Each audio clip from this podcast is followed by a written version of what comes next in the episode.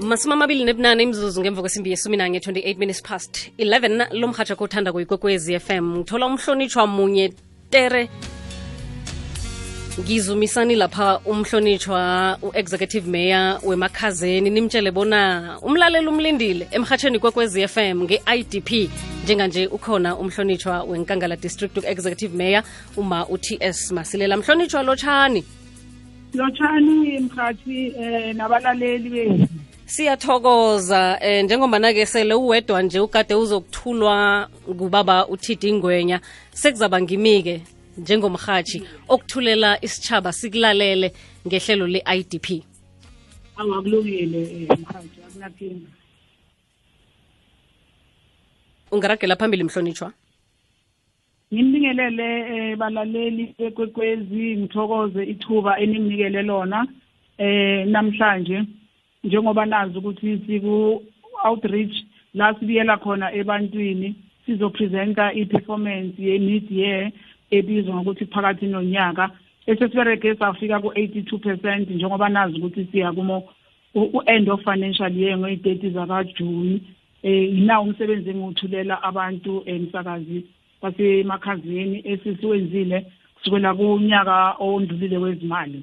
Ku-local economic development inkangala ibudget e-4.5 for bonke abomasipala eh ku-safety and security. La sifake khona ama-learnership. Emakhazeni kungene abantwana abawu-three kuphela of which asijabulanga ngaloko.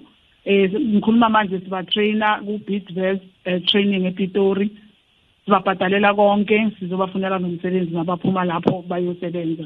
Sibabhadala-ke i-stipend ilena ngamunye kulabantwana labo asimamikise lapha for 12 months. Inkangala district i-budget e-8 million ukusuplya ama-tools equipment eh, for abantu abafuna ukuzisebenza ngezandla zabo bazenzele nama-project wabo. Eh le 8 8 million eh mhaji akusiyo yasemakhazeni kuphela sibhajethele inkangala yonke bese sithengela labo bantu labo izinto lezi abazifunayo. Eh abantu aba ababenefitile ke la emakhazeni eh kulezo zinto kuma small projects kune eh Manta Trading and Projects eh ewa 3 abatholile izinto. Abanye asanda amantombazana eWard 7 nepopizana trading eh eWard 7 also eh nesjeb eWard 6 and Thusimvula eWard 6 eh yilabo bantu laba ababenefitile ke ezintweni esizenzile ezinkangala. Bese siza kuma town planning project enkangala district siplanela imakhazeni kuna two yama town planning projects that are running emakhazeni njengoba ngikhuluma nawe.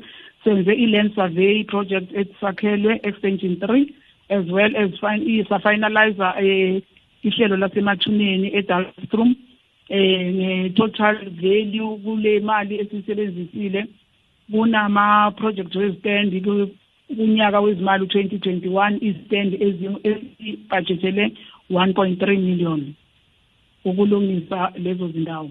Bese siza kuma project we we-infrastructure. Esiyathuthuka kune water eh, reticulation esiyenzile laphayana esiyiconstructile. Eh ngo 6 million eh siyathuthuka suwa reticulation eh esathe ngo March 2021 i underway iyasebenza kodwa manje umsebenzi uqalile eh inkangala iassiste i-local municipality eh ngomsebenzi we blue and green drop eh compliance ngebudget yaka 200,000 eh leyo project siyenza kuma kumasipala bonke siyibiza i-district wide project. Ku water and sanitation eh sinayo leyo budget futhi eh esiyenzile lapha yana ku rural roads eh ku eh, management program eyenziwa yi-district eh nayo i-district wide project ine budget ka 2.1 million.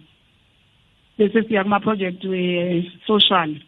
Eh adila ngama social issues eh kune awareness eh, educational campaign esizenzile ezimbili emakhazeni eh i disaster risk awareness i municipal health services senze yinye one women empowerment senze inye i-men sector GBV and uh, and femicide senze one nayo people living with disabilities senza ne-HIV AIDS and VVMS eh senza ne-moral regeneration eh sayenza i-drug and substance abuse senza ne-teenage pregnancy awareness. Eh i-expenditure yalama programs ibe u-645 eh kulonya phakathi kunyaka kulonyaka wezimali ka 2020 21 una 3 yama student emakhazeni abenefitile from i-mayoral bursary scheme eh asikho happy nalapho. Mhathi incane kakhulu. Sisadinga ukuthi abantu basemakhazeni sibacelile ngonyaka ophelile masizelibo ukuthi abafake mase kuvuliwe isikhathi samabhazari ngoNovember ngo-October nangoNovember ukuthi ba-apply kodwa manje kuthole only 3 and asijabulanga mhathi sisafisa ukuthi abantwana bangene babe baningi.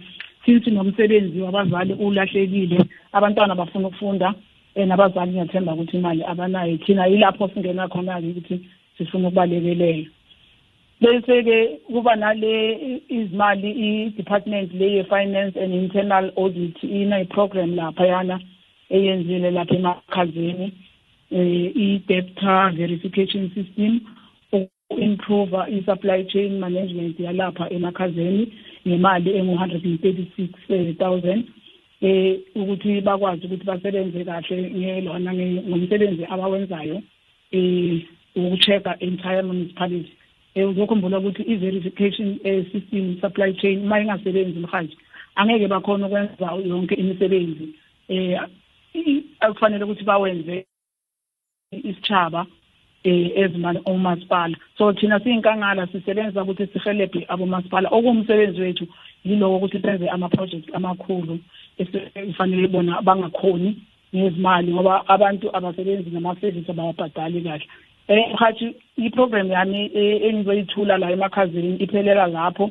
Eh mhathi ngifuna ukusho ukuthi Friday sasikhuluma nge ngelona ngithembisile ngabathembisa ukuthi amakhumbi ayi-2 siwathengile ngicela ukusho ukuthi afikile ke manje siwadilivile izomahle kabi mara awayokurenka makhumbi oyokusebenza umsebenzi kamasipala ngiyabonga mhathi iprogram yami ebengilethelayo emakhazini iphelela lapho. Siyathokoza mhlonitshwa alo sizoyithini-ke indaba yokuthi umlaleli ufanele angene bese aphenduleke? Umhlonitshwa uthi dingwenya angekho nje. Ya alo animtholi. Awa akatholakali akatholakali. Mhlawumbe ke eh ungaziphendulela kibo aba izakhamuzi zangale ngemakhazeni ya ngizabaphendulela ngoba siyinkangala district. Singamakhansela nina singamakhansela siyawazi umsebenzi. But la ngakhoni khona sizokusho ukuthi sizothatha into ezosizinikeze u-executive mayor ne-team yakhe. Ngiyamangala ukuthi inkinga ibe kuphi ngoba ku-briefing ekuseni besisonke bakhonile ukuconnecta ukuthi sekonakele kuphi? Ngisawuphendula la ngiphendula khona mhaji khululeka ungabi nenkinga. Alright umhlonishwa uzangibambela-ke eh simukele umlaleli wangale ngemakhazeni local municipality ngaphasi kwesiyingi senkangala district. Ngalesi sikhathi-ke uthulile umhlonishwa u-executive mayor wenkangala district lokho akwenzileko esichabeni eh siyabawa-ke mlaleli ukuthi kungene izakhamuzi zemakhazeni bobelfast. 089 1207667 089 1207667 nalapha-ke ungathumela iphimbo lakho ku-voice note yomhatsho ikwekwezi fm kuwhatsapp ethi 079 413 2172 inomboro godu ye-whatsapp ithi 079 4132172 njengoba uyizwa-ke nje eh, sinomhlonitshwa munye sisalinga lapha ukuthi simthole ubaba utd ngwenya azina emoyeni azokwazi ukuphendula imibuzo nange ikhona. Sidobha umlaleli wokuthoma usemoyeni kwekwezi yeche Yena kunjani? sikhona mama unjani wena? Oh cundekile siye komunye ikwekwezi usemoyeni akwande Hello. ninjani ma Khona kunjani? sikhona sikhuluma nobani ukuphi Ukhuluma nomamnene emakhazeni eBelfast. uh, ungasiphakamisela iphimbo kancane mamnene nangumhlonitshwa ukhona u-executive mayor wenkangala uma uthi s masilela Ya, mina bengisacela ukubuza nana ngoba ngihlala lana emakhazeni esiyathuthuka. Nginenkinga nana indlu yami sithi ngayibhalisa solo ayiphumi. indlu ye-r d eh indlu ye-rdp uthi esiyathuthuka? Eh. Wayibhalisa nini? Angisakhumbuli kahle. Sekukade eh. Mhlonishwa nangu umlaleli isakhamuzi silila ngokuthi solo kabhalisa indlu ye-rdp abeka sazi nokuthi kwakukunini. Asazi-ke mhlambe ikambiso ukuthi vane ikhambe njani. Uzangilungisela ipendulo yomlaleli. Ngizabathatha mhlambe babe bathathu. Ngizakuhamba ngikukhumbuza imibuzo eh longe we-rdp eh ngale ngema ngebelfast. Usemoyeni kwekwezi? Kusayi kunjani? Kukhanya ba. Anga ngikhanya bha kusayi ngifuna ukubuza umhlonishwa lo ukuthi sasibuzele kumeya lo ukuthi sola basibeka isandla emehlweni keza kunyaka opheleleko batolofakela igezi la emaplasini e-eight florho sola amapali sebe lapho ebafaka khona iimpeyini sezasipha butshani sola zula sola salinda njalo sihlezi sola sinda igezi asinagezi asinanex khona nje mele siyovota angazi siyovota njani ngoba asinanex emaplasini e-eight floor. ungangathuli e-eight floor. Uthi, uthi yini igama lendawo leplasa i-eight floor ke-wa-two 8 floor i-eight floor. Iye-y-two alright umhlonishwa uyazicocela lapha ulungisa impendulo eh nasebenzisana nabo. Kodwana-ke ngizokuthatha godi omunye umlaleli eh onekinga isakhamuzi sangale ngemakhazeni. Usemoyeni kwekwezi lotsha? Hello busayi kunjani kukhanya bha kunjani kuwe? Ngiyaphila uthandekile sikhosana ebelfast efiskop farm mhm. Ngisaba ukuza umh- umhlonishwa lapho solo nathi bafaka amapeyili until now amapeyili akhona azaya babe- babeka i- ba- bagubha imgodi bese babeka amatshatshela hayi imbuzi ziyawawisa iinkomo ziyawawisa solo salindako tot no. Nilinde inike nina igezi nalapho? Iye nathi igezi babethela amapeyili kukuphi nendawo? Efiskop farm Eski- okusemaplasini kusho ukuthi indawo ezimaplasi semaplasini. okay. Skid bani? Fiskop farm Mm, okay akunakinga akunakinga siyathokoza mama. Mhlonishwa ngiba ukuthi ungiphendulele abalaleli ngizakukhumbuza ukuthi imibuzo kade yithini mhlawumbe nakade ungakayitloli phasi nangibuye entolo. Sirakela phambili mlaleli omuhle kokwezi FM ihlelo le-IDP lenkangala district. Kanti-ke indawo ekukhanjelwe kiyo eh ikhanjelwe ngalendlela emhatshweni akho uthanda kuyikwekwezi FM eh, indawo yangale ngemakhazeni. Sithola imibuzo-ke evela ngakhona. Mhlonishwa siyathokoza ukuthi usibambele.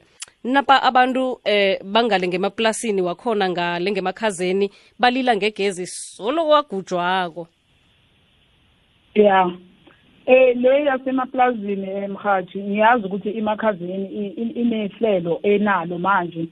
Eh iEscom ithatha isikhathi. I- imasipala yena self ngiyazi program umasipala dala aqala apply kuyo iEscom ukuthi ayibuye izofaka le gezi. Uzokhumbula mhathi ukuthi igezi yasemaplazini ifakwa iEscom direct ayifakwa ngithi umasipala. Thina siya apply ukuthi inali iwodi lethu lisemaplazini i-escom bese iyeza izofaka kodwa-ke ngiyajabula ukuthi bak- bakuphakamisile lokho. Sizoyilandelela manje i-escom ukuthi yenze sure ukuthi lo mbereko lo bayawuqedelela lo abawenza ngoba nabagubha kusho kona ukuthi bayayazi le le ndlela le ekufanele kusetshenzwe ngayo. Mara abakafiki kuyo. Ngiyabathembisa ukuthi sizobaphusha labantu ukuze bawenze ngiyayazi alright ma. lo omunye wesibili zange ngimuzwe ukuthi laba abayi-two angizange ngibeze ukuthi bathini. Ababili ababili ngebegezi bese kunoma wokuthoma we-rdp osoloko a-aplayako selakhohlwa nokuthi kwakukunini. Solo ulinde indlu vane zithatha ya inkinga yalapha e- elona eBelfast kunezindlu e- nazo-ke emhaji kufuneke ngisho ukuthi umasipala uyababhalisa aba- abantu benamba bese le namba bayinikeza i-department ye-human settlement lapha eprovinsini kube yibona-ke abaverifya labantu babuye bazobakhela. Lapha elona eBelfast esiyathuthuka kunale nkinga yokuthi kunezindlu ezakhiwa yi-human settlement engazange yaziceda injalo mama mhlambe nayo ikhona lapho. And le- silwa wonke malanga ukuthi ababuye bazocedela lezi zindlu abantu bazokwazi ukuthola izindlu zabo. And kukhona nalenye inkinga ekhona lapha e- esiyathuthuka abanye abantu bangena ezindlini ezingasizo zabo. And manje uyazi mhathi ukuthi once wangena endlini wahlala isikhathi esithizeni awusakwazi ukumkhipha lowo muntu lapho. Ufanele umdirejiste lowo muntu ukwazi ukuthi u- uyokwakhela loya omunye yena asalahlala lapha kuleyo ndlu leyo. Kunaleyo nkinga leyo mara akusinkinga kamasipala inkinga ye-human settlement. Of which nayo ngizayithatha ngiyibhale phasi ukuthi si- sibuye sizoyi-check-a le nto sizokubuyela. Practically siyo-check-a lapha phasi ukuthi kwenzakalani sihamba nayo i-human settlement um mhaji engingakusho lapho iloko. Emhathi sicela sibawela sibawa usibuzele lapho kumeya wasemakhazeni ukuba uthithi ingwenya ukuthi inkinga yamanzi amashara boyilungisa nini? Ngoba solo sina-two years solo sinenkinga yemanti ngiyabonga. Lotsha lotsha lotsha mhathi ngiyakulotshisa mina. Mhathi yazi mina konke ngiyakubona. Kanti emaplazini la kanti inkinga ikuphi ngoba ngiyabona nje emaplazini la yoke into ithulile ayikho into eyenzakala. Ngilamakhazini nami mhathi mara ayi emaplazini shem bathulile akunagezi akunamanzi. Soloko bagqina nge-covid indaba amanzi. Soloko nanje amanzi akekho. Ayikho into nje ethuthukako eyaphambili akuqhubeki next. Awa mani mhathi akhe nisizeni. Ngimlo ngapha ngedastrom Mm, zizakhamuzi zangedalstrom khe sithathe wokugcina akandre busa nesithekeli sakho ngihlala la emakhazena kodwana ngihlala e- emaplasini. Nangiba ubuza ukuthi emaplasini ama-service siwathola nini? Like ukulungisa indlela igezi namanzi and then esenye enye into engifuna uyazi ukuthi um lapho kwamasipala sihola njani ukurejista ukuze amabhizinisi wethu ukuze sibe ku-database. Ethokoza. Asithome ngaye mhlonishwa wekugcineni lo singakakhohlwa ngoba ezinye sizibhale phasi. Emaplasini kuyalilwa pheze imibuzo efanako igezi mamanzi zindlela bese ke umbuzo wokugcina lo kuba kuregister ukungena ku database yiyo kamasipala. ya um mhathi singiqale ngale yokurejista ku-database asisarejisti kumasipala sirejista ku-c s d i-database le ye-central bona-ke ibona nangabe yena afuna umsebenzi kamasipala bazombuza ukuthi urejistile na ne-c s d. And then uma ngabe arejistile lapho akwazi ukuthi-ke awuthole umbereko mara makangakarejisti alindele ukuthi yokurejista kwamasipala. Iprogram leyo yaphela ngo-twenty sixteen ukuthi sirejiste kwamasipala. Sirejista lapha ku-central database. Okay. Eh, ngiyacela ukuthi ya umhathi ayizwe kahle le ndaba and aye kukhansela lakhe limhelebhe ngendaba yokuthi ku- kurejistwa kanjani ku-c s d i-central Data- database. Iyizakhamuzi zemaplasini ziyalila kwasagezi kwasandlela kwasamazi amanzi basho ama-service bawathola nini bona. ya inkinga yasemakhazeni ama- amaplazi vele maningi. Amanye amaplazi u- u-executive mayor unayo iprogram la amikisa khona amanzi. Ngiyacabanga ukuthi asasele. Eh uma ngabe ngizwe kahle uthe okubanaka bagcine ngalesikhathi kune-lockdown ye-level five babalethele amanzi. Manje ngizwa ngathi uthi abasabaletheli amanzi. Mm. eh kuzokwenzeka mhathi ngicabanga ukuthi njengoba u-executive mayor udithi ngwenya angakhonanga ukungena zonke lezi zinto sizozibhala phansi and ama-official wami alalele.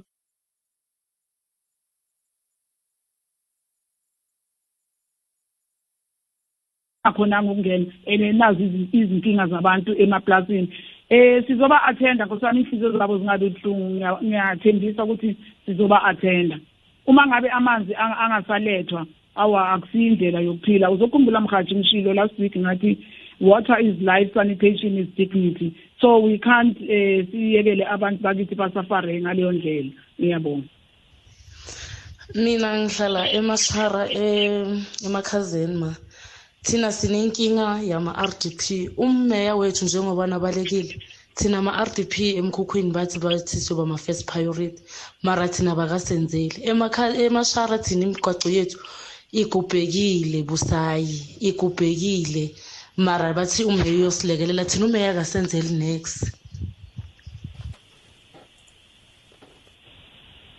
Sizokuthatha godi ababili. Hello mhashi kunjani? Eh bengihlala esiyathuthuka eBelfast. Bengicela ukubuza ukuthi imeya every time mayifunakala ayitholakali emsebenzini isebenza nini nanini nalokuthi angabi khona namuhla emhashweni asikho surprise njengomphakathi wasemakhazeni Mm.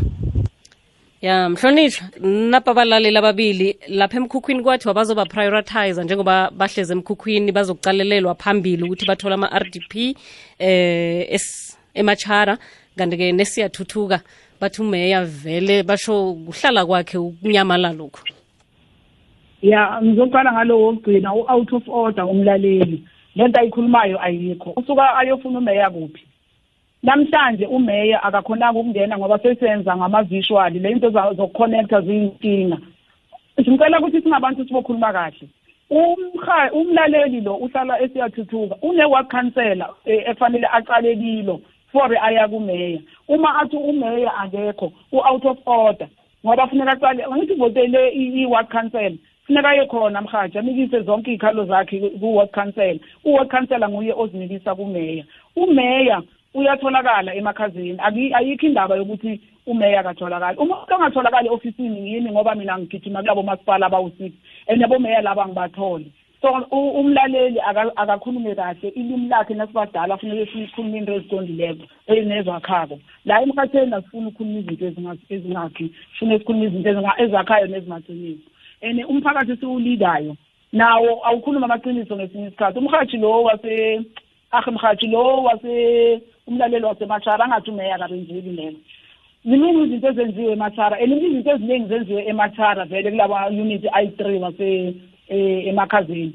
Izinto ezenzeke kakhulu kusebelfast nasemachada elona e-ward seven nase-dalstroom sisebhizi khona umeya usesebhizi khona ukulungisa mara la akusile iqiniso leli elikhulunywa ngumlaleli lo othi mhathi umeya akabenzeli next i-ward council labalaleli laba bangathi bayakhohlwa ukuthi fanele baqale kuma-ward council. And indawo ephezeke kakhulu ne-infrastructure kusemachara and imachara isazozithola izindlu angapheli inhliziyo umlaleli uzayithola indlu mara bakhulume kuhle. Nama-ward councillor bathome lapho. U-ward councillor uzawubiza umhlangano abatshele ukuthi umeya sikhulumile sihlalile sakhuluma nazi izindaba. Uma bangayi emhlanganweni futhi abalaleli ngeke bazazi lezi zinto ezithuthukile emakhazeni ezenziwa amakhansela. Ngiyabonga. Kukhuluma lapha umhlonishwa u-executive mayor wenkangala district uma-uts masilela. Siyabuya nawe mlaleli khe sitshinge shoprite. Thumela iphimbo nge-whatsapp voice note ku-079 413 2172 asiye nawe emoyeni ku-089 120 7667 kukwekwezi fm kukhanya ba. Sas-augustine lo chabusayo nivukile na kukhanya ba emhatsheni kwekwezi. Ah sivukile busayi sithokoze um kuhle kukhulu kwamambala. Nangala ngikhonako eh nani-ke balaleli ngiyanilotshisa-ke ngithi kukhanya bha namhlanje sike. Angazi-ke nobenyana abanye benu sele bayibonile na i-advert nyana ekhona la nge-tv ye-shoprite-ke. Bengiyibona-ke kokuthoma-ke nami kile veke-ke and ngiyithanda kukhulu kwamambala. Like bawukayiboni-ke eh uyitsheje uhlale ngiyitsheje i-TV yakho-ke uzoyibona i-ad le. I-ad lena-ke i-shoprite eyenzile ikhambelana kuhle ne-constitution yethu. Yeke isikhombisa um indlela le i-shoprite eh eyenza izinto ngokukhambelana ne-constitution yethu. Yeke nalokho abatsho nakubiza ngesikhuwa batsho i-affecta i-positive change through lower prices. I-constitution yethu yala ngesola africa-ke ithi wonke umuntu ola ngesola africa kosa abe nokudla sufficient food abe nokudla okuningi ishoprite-ke iphendulileke ngokusilethela uburotho babo ababhaga phakathi ngesitolo obukhamba nge-five randa. Ibuye kodwa i-constitution i-constitution yethu yesola africa ithi wonke umuntu une-right yokukhetha lapho azokuthenga khona yeke athenge ukudla okunempilo eh ishoprite yabuya godu yasenzela ukudla okunempilo okuhamba nge-five rand ukusihelebha bona-ke bonyana-ke soke sikhone ukuba nento esingayithenga nge-shoprite namkha unemali namkha awunayona uzokwazi wena ukuthenga qobe lilanga-ke nge-shoprite. Sesiyazi-ke soke sibahlali besewula afrika bonyana-ke ama-rights wethu abaluleke kangangani? Nawo nawe-education njalo wezifundo um bowazi-ke nabonyana-ke eh batho iped yamasola africa wamantombazana vane angayi esikolweni ngombana abakhoni ukuthenga ama-sanitary pads yeke ishoprite-ke ingenile nalapho yafaka ifaka lama-pads elikhamba ngayo godu i-five randa. Soke siyazi-ke bonyana-ke intengo eziphasi ziba ziqakatheke khulu kwamambala. Yeke ziyawenza umehluko omkhulu nge- ngezipilweni zabantu. Um yeke-ke i-shoprite-ke itsho batsho-ke khamba uze khona-ke nge-shoprite lapho uzokubona kho- uzokubona khona umahluko lo. Ngobana bawenza qobe lilanga khetha isu hlopha i-supermarket yakho ngendlela ehlakaniphileko-ke ukhambe uye nge-shoprite namhlanje sike ngiyazi mina ngikhethe kuhle ngikhethe yona i-shoprite. Nawe mlaleli ihlopha yakho-ke i-shoprite hlani kwakho. Hlanganeni-ke kusasa lapho ngizokukhuluma khona ngezinye iy'ntengo ezihle ezikhamba phambili nendaba ezimnandi abakhethela zona nge-shoprite. Mangithokoze busayi hlangane godi kusasa kuthokoza thina ses augustine. Mlaleli cheche ukuthi intengo uses augustine ahlala khuluma ngazo ngezempumalanga elimpopo enorthwest nangapha ngegauteng. Nakusasa-ke ungaphundwa zinilemukiso nembona zabasiphathele yona. Sirakela phambili lihlelo ngimnawe kazi-ke inkangala district khambela lapha umphakathi wemakhazeni local municipality sikhamba lapha no-executive mayor umauti s masilela. Uphendula umbuzo wakho owuthumela ngephimbo ku-079 413 2172 079 413 2172 Eh mhlonishwa kunjani? Thomas la Belfast abangazi ke bangazi ngoNtomlana. Nami nginombuzo kahlanje babungwenya. Eh la wathuthi nezinto zethu azitholakali ama service aswatholi eh another thing nekhansela lethu asilitholi kulama number basinika wona sikhona ukulithola ikhansela lethu wabuntuli so into esifuna yazi kumeya ukuthi yena umthola njani ikhansela lesewathu ulithola kanjani thina abahlali basewathu singakhona ukulithola? Cause nezidingo esizifunako ezidinga ikhansela esingakhona ukuthi sichumane nalo ikhansela lethu. So besicela ukuthi ubabungwenya asi-address ukuthi ikhansela lethu yena ulithola kanjani thina abahlali singakhona ukulithola mhlonitshwa ubabawile ukuthi bakuthintane namakhansela. Nangoke kodwa usalila ngo-ward councillor ukuthi naye akatholakali. Siyathokoza ukusibambela mhlonitshwa ya eh mhathi akusiqiniso lo lento ekhuluma ngilo baba inyanga nenyanga umhlangano ikhansela liyawubiza. Unless yena akayi emhlanganweni. Uma angayi emhlanganweni vele ngeke azi ukuthi i-program yenziwa kanjani. Ene kunama-ward committee emhathi uma ngabe uyikhansela ungalitholi uyaya ku-ward committee. And emakhazeni ngiyakhumbula ukuthi u- ulona u- ukhan- u-very committed.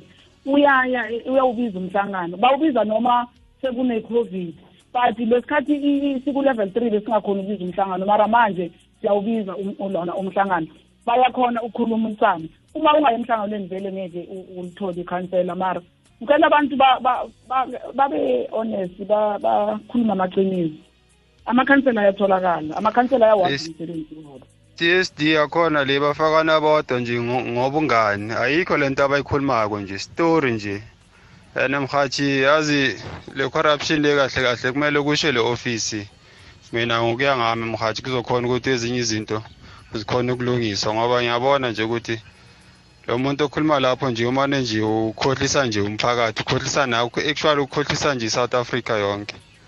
Umphakathi ukwatile mhlonitshwa td ngwenya ufika nje bayabila.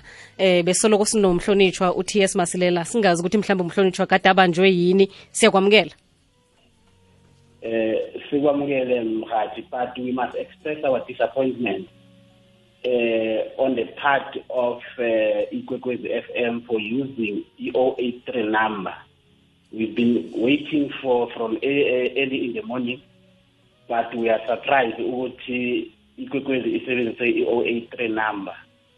So we must uh, apologize umphakathi because akufikahle ukuthi sisebenzise inamba endala whereas sihlala sisemkhathweni every day namhla kwenzenjani sisebenzise inamba endala.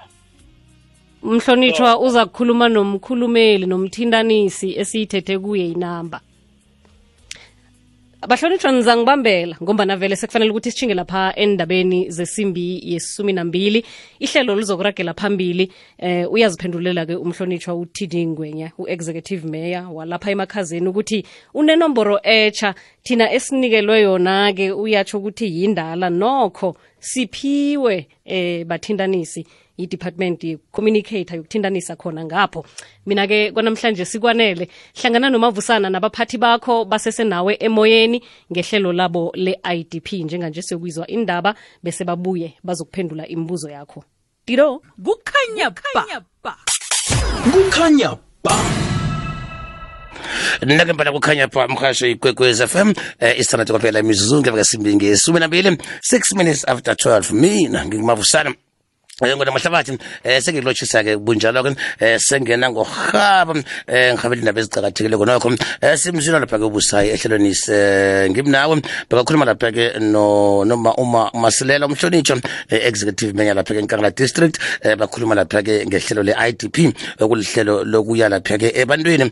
Kenge bamthole ke lapha ke ngebhadi eh lapha ke uTD Ngwenya eh ongu executive mayor lapha ke emakhazeni. Ukuthi naye ke atsho ukuthi ikulumo bekayiphethe namhlanje eh ngiyiphi bese nesuka lapho ke eh, sirakela phambili ngembuzo eh ungayithumela ke yakho ke i WhatsApp uh, message ku 079 413 2172 079 413 2172 089 120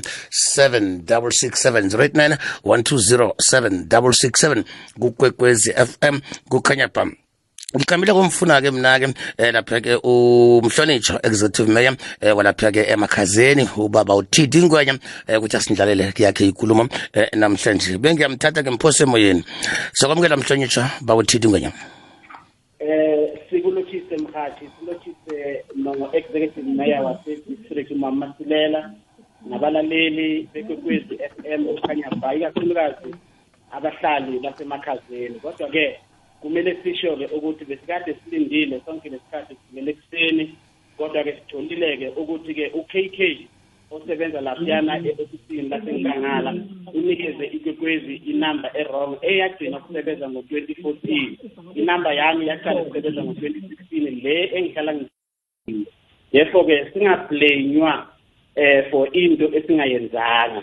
Sikhona thina asisabi lutho sikhona namuhla ezomasipala wasemakhazeni silindile ukuthi siphendule noma yiphi imibuzo ezovela emphakathini on behalf of unkangala siyabaxolisela ukuthi babanikeze inamba erong siyabonga mhlawumbe Aham. Eh kusesenjalo ke nathi siyakwamukela ke lokho ke eh, ungadagala phambili eh, obaphathele khona namhlanje eh, ngehlelo lokuya ebantwini IDP.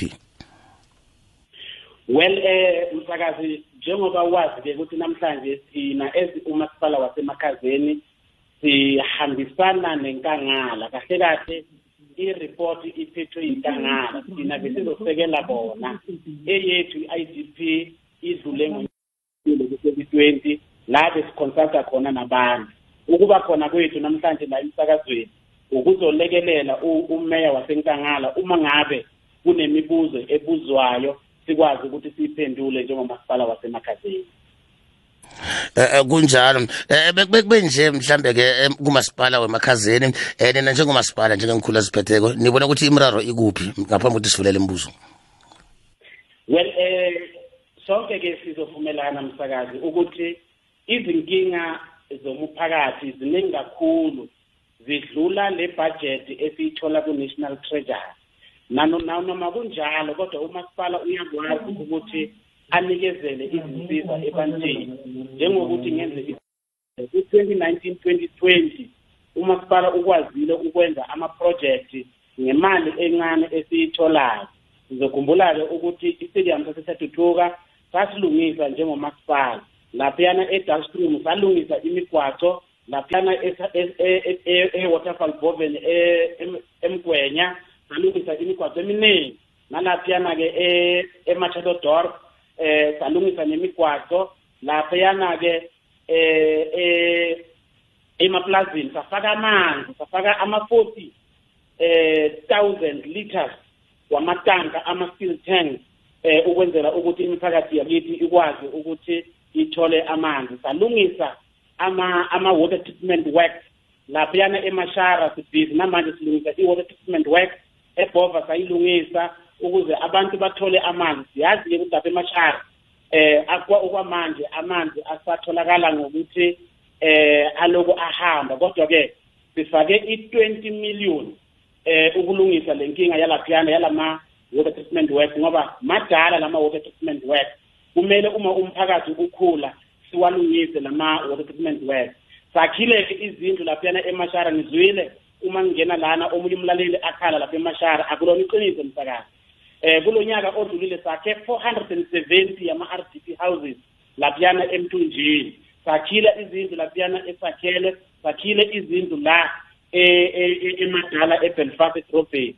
Esikhala ngabo yile project endala yalaphiyana e-extension 7 esiyathuthuka enezindlu ezingu-240 kodwa inkinga iku-department of human settlement la kukhona umbango phakathi kwasokontraka ne-department. Kodwa njengoba kuno-mec omusha ubaba umashilo sikhulumile naye usithembisile ukuthi leya project izosombululeka ikwazi ukuthi iqhubeke. Nalapho esathuthuka e-extension six and eight kunezindlu ezingu-54 ezingazange zaphela ngo-2011 so ubaba umashilo usithembisile ukuthi uza kusilekelela ukuze sikwazi ukuthi eh sakhele abantu bakithi. Enye inkinga enkulu esibhekene nayo yindaba yemisebenzi yokusekelakala kwemisebenzi eh kubantu bakithi.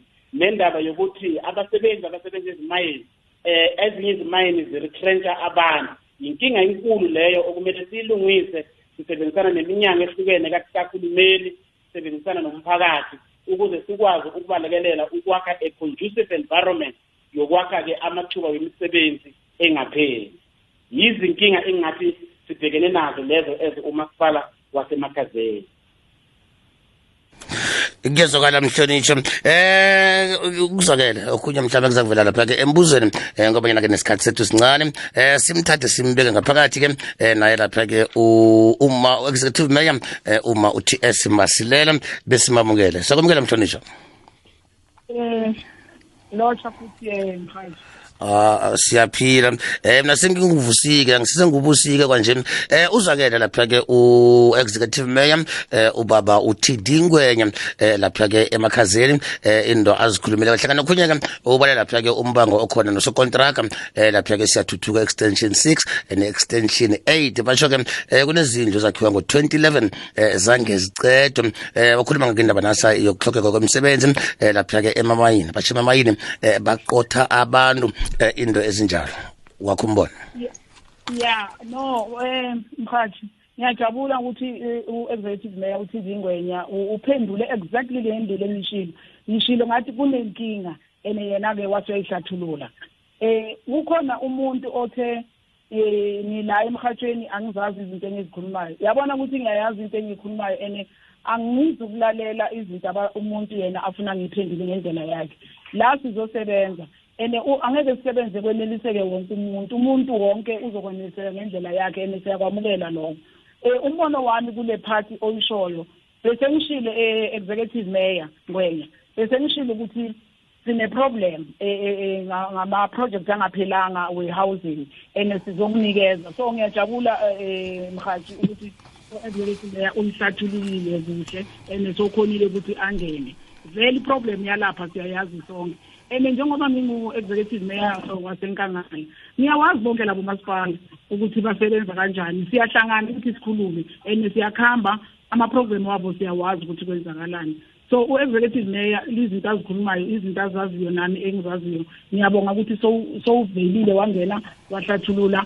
Um executive mayor bathi wena awubona awutholakali ofisini bama-ankali noma ungatholakali la namhlanje wena vele awukho ebantwini. Um ngiphendulele-ke ngathi ayikho indaba umuntu uya e-ward council lakhe cala bese i-ward council liletha umbiko kuwe. Mara ukuthi umeya akatholakali vele nase-ofisini awuhlali khona awu abakwazi nje nokukwazi awu angibaphendulele ukuthi awakusile iqiniso lelo. I-development eningi isemashara bangakhulumi amapholisi sithokoze um mhlonitsho sekakhulumile nokho ukuthi-ke um kube nobuchapho kube nokuhlangahlangana um lapha-ke enomborweni um into ezinjalo. Ake sizame mhlawumbe ukuthola munye umlaleli sizwe ukuthi yena uthini? Mama ungathi si-out of order. Ibelfast nemashara kahle kahle uyayazi na? Ngoba amakarethu ahlala anamalo anama sihlala sitshintsha amathaya kunama-potholes yonke indawo nje. Uze ebelfast town uzobona wena. Sihlala sitshintsha amataya qho. So ungathi is-out of order we are not out of order. Buzobona indawo wena usenkangala district buya emakhazeni uzobona. Eh sanakasha FM ke sithole umlalelo omunye gqekwezi kwande?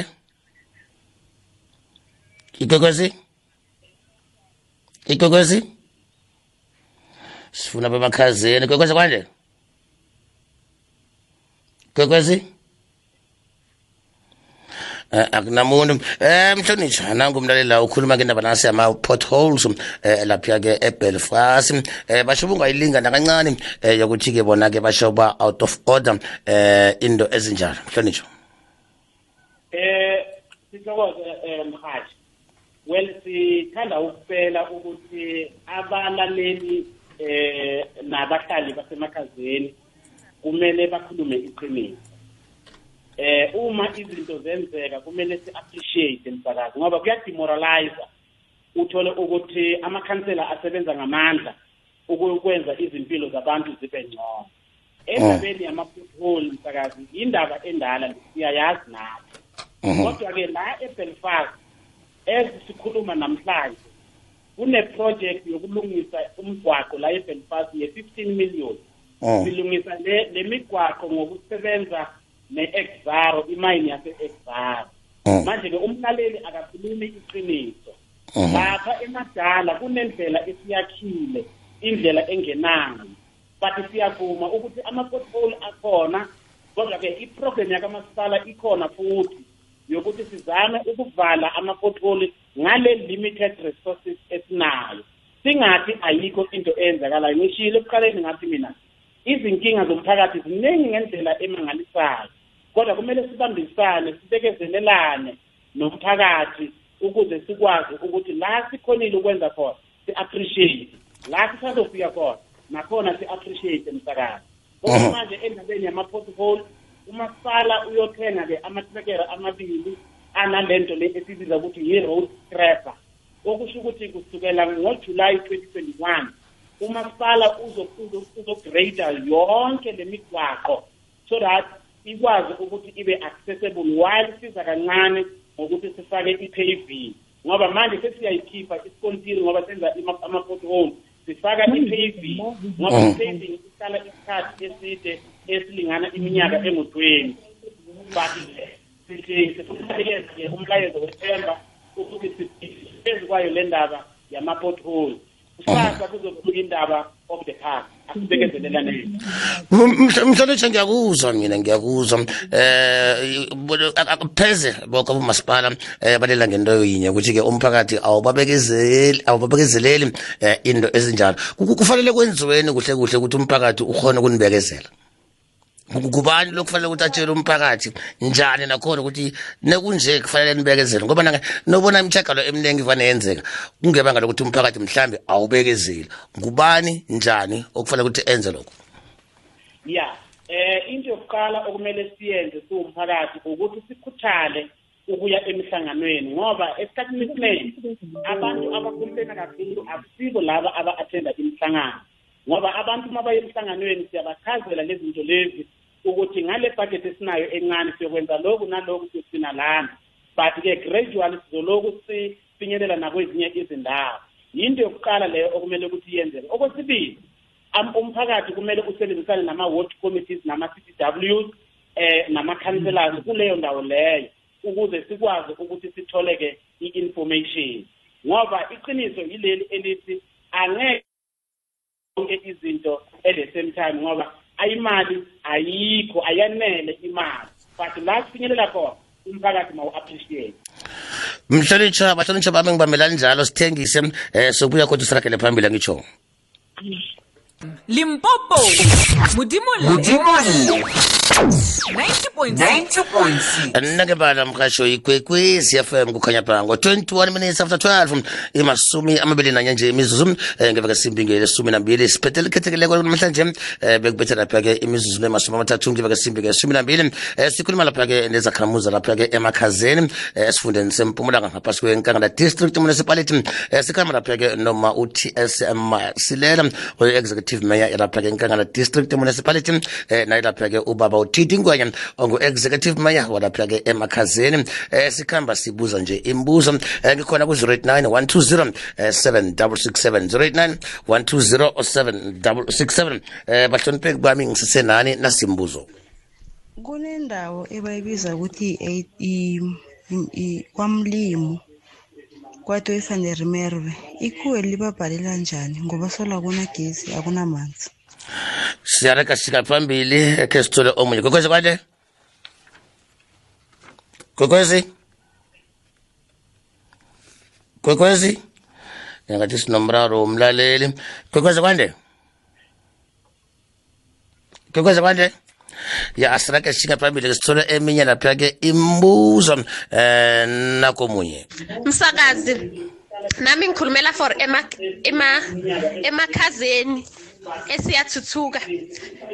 Emsakazi thi eh, mhashi thina siyibhelfast njengami mina ngi-orphan saya mina nosesi wami because besinganayo indlu vele mama mbekanganayo indlu. Sayoripota for indlu yama indlu yama-orphan ngashela nayindlu indlu kwashashela yindlu imasipalati sasoripota senzani azange basisize nganex saya kumakhansela azange basisize nganex but bazosisiza till today sihlala sicashile la sihlala khona asinamsebenzi asisebenzi sithola amatoho sometimes lapho nalapho nethi ukuthi sikhona esibhadala i-rent and phela nasingahlala singabhadali i-rent bazosicimela bazosicimela igesi nasilast besile kamasipalati sobhalisa basishegela bathi asitholakali sho ukuthi ayikaphumi indlu yethu. Basibhala phasi bathi sibuye futhi solo silindile na today mhashi ngiyabonga.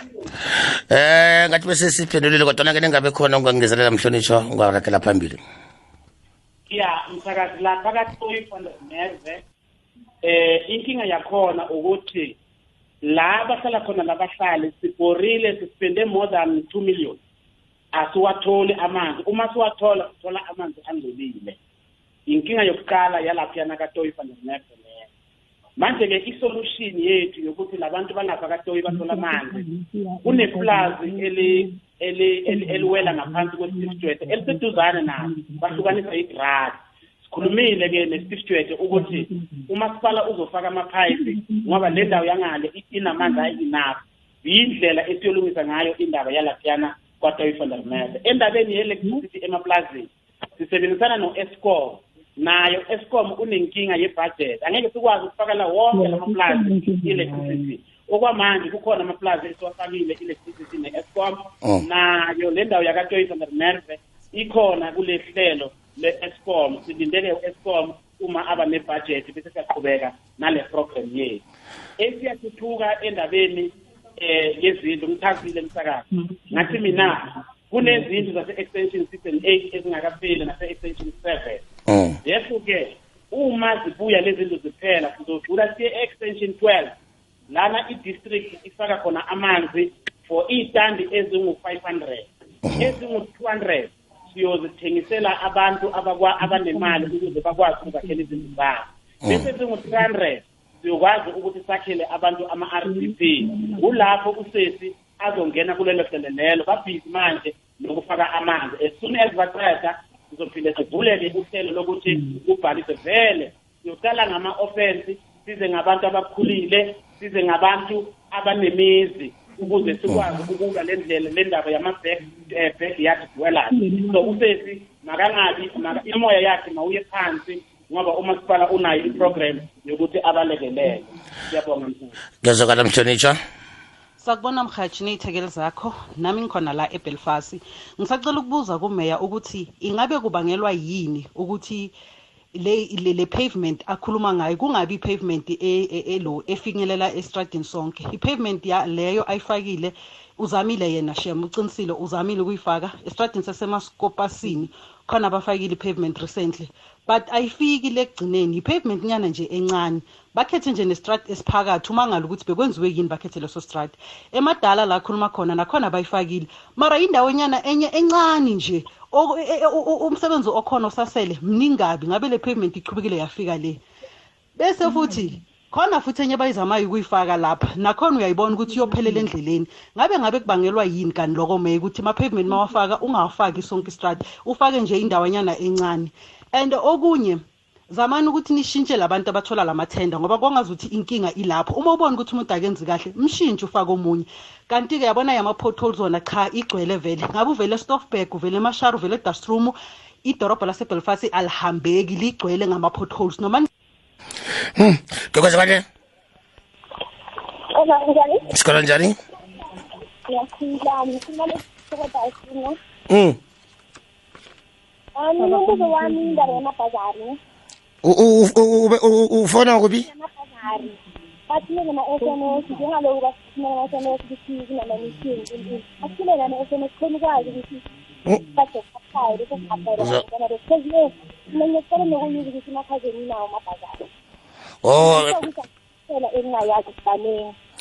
wo ku- information abantsheli hayi information asinayo vele asiyazi ngiyacala ukuyuza namuhla so ngicela ukuthi ngasikhathi esidlulayo samabhazari basho ukuthi okay amabhazari sekavuliwe abantwana besikole ba-aplaye khona ukwazi basisele abantwana besikole bakhona ukusa-aplaye Ngiya- ngiyathokoza um msinyeza gqokoza bane hambe ungivalelisele ngikhona kunjani ba ngikhona ngumartamsen lapha e-eightlog wakobi Mhm. ngisaba ukuza umeya lo ubamngwenya ukuthi impahla lapha ngapha ngakwakobi akusathandeki abantwana abasayi nesikoleni ayikho akunapata asinanesi amapali naka solabethelwa lapha iplaso saweni igezi sothi namhlanje sisola sisabhalelwa and ngibawukolisa kakhulu la okuzongiphatha kabuhlungu uba kuntuli ikhansela lamapasi lalakokobi asimtholi vele asimthole simthole efonini asimthole efonini Aha. siyabawa ne um sithokozele um bahlole mhlonitsho wami ngokufitshazana um bakhuluma lapha-ke ngendaba ye lapha-ke batsho-ke um emadala um inkolo njalo njalo um batsho-ke nithukulula nabantu nibanikela amathenda um batsho begodi kunama-polhos omunye ulila ngamabhazari um lapha emakhazeni batsho abalitholi ilwazi um lokhu ningenamabhazari kwakubi um batsho-ke kunama-potholes negezi ayikho nekhansela nalo alitholakali ubabunduli ngokufitshazana ya eh msakazi awusibonge umlaleli ongenile wakhuluma iqiniso ukuthi uyawubona umsebenzi uyenzeka. Isizathu esenza ukuthi umgwaqo ungapheli uthola ukuthi umgwaqo uyi-4 kilometers msakazi. And i-budget onayo is only for 2 kilometers. Isizathu esenza njalo ukuthi ungathengi yileso. Esinye esesibili isizathu ukuthi emakhazeni sina 8 yama-ward wonke lama-ward uma kuqala unyaka kumele kube neproject oyenzayo bese-ke sihlukaniselana le mali esinayo kodwa lokho akusho ukuthi kulo nyaka ozayo singeke siphindele laphiyana sakhe le ndlela iphelele. So zonke lezi ndlela ezi- ezi- ezi- eziphelele phakathi siza kuziqedelela kule next financial year uma sithola imali. And we really appreciate ukuthi abe honest yama-pothole, Aha. endabeni yama-pothole, eh umasipala ubhizi nayo amabhazari umasipala amabhazari akhishwa yinkangala umeya wasenkangala uzakhuluma le ndaba leyo e-eight flare i-eight flare msakazi is maplazi. Mm. and izindlela zasemaplazini zilungiswa i-department of road Tra- and, and transport kuprovince Mm. but-ke sithatha le ndaba siyibo ukuthi izindlela azihambeki ngiyabonga msakazi. Babingonya indaba ama-pavement basho ama-pave- ama-pavement eniwafitshane ngiyikhazile ukuthi eh le iyenziwa ukuthi uma ngonyaka uthola ukuthi ubhadetela wonke lama ward ayi-eight. Aha. and wonke afuna Aha. imigwaqo le i- i- i- ifuna more than le budget onayo. Aha. That is the reason. but akusho ukuthi ngeke siqedelele aha. Eh sisonga lapha-ke kwakubi. Batsho-ke indlela zakhona eh azikhambeki inkolo zisebujameni buhle kunama-potholes amagezi amapala egezi. Eh batsho solafakwa igezi ayifiki nekhansela untula katholakali ya no no ukhansela untulu uyatholakala msakazi. Eh yile nto engithi mina kumele sisebenzisane namakhansela sewumphakathi i-eight flash kakobi eh kusemaplazini mkhathi and izindlela zasemaplazini ngokomthetho izindlela okumele zilungiswe yi-department of road of, of, of, of, of public works road and transport at the provincial level. Ngizokale mhlonitsho simikise lapho msakazi. Aha. eh ke bengalesikhathi bomhlonitsho bami asale siyibamba la. Eh nge-30 seconds munye namunye umlayezo wokugcina. Sithome ngo- ngo- ngo- ngoma umasilela Eh ngiyathokoza kakhulu mkhathi isikhathi sakho.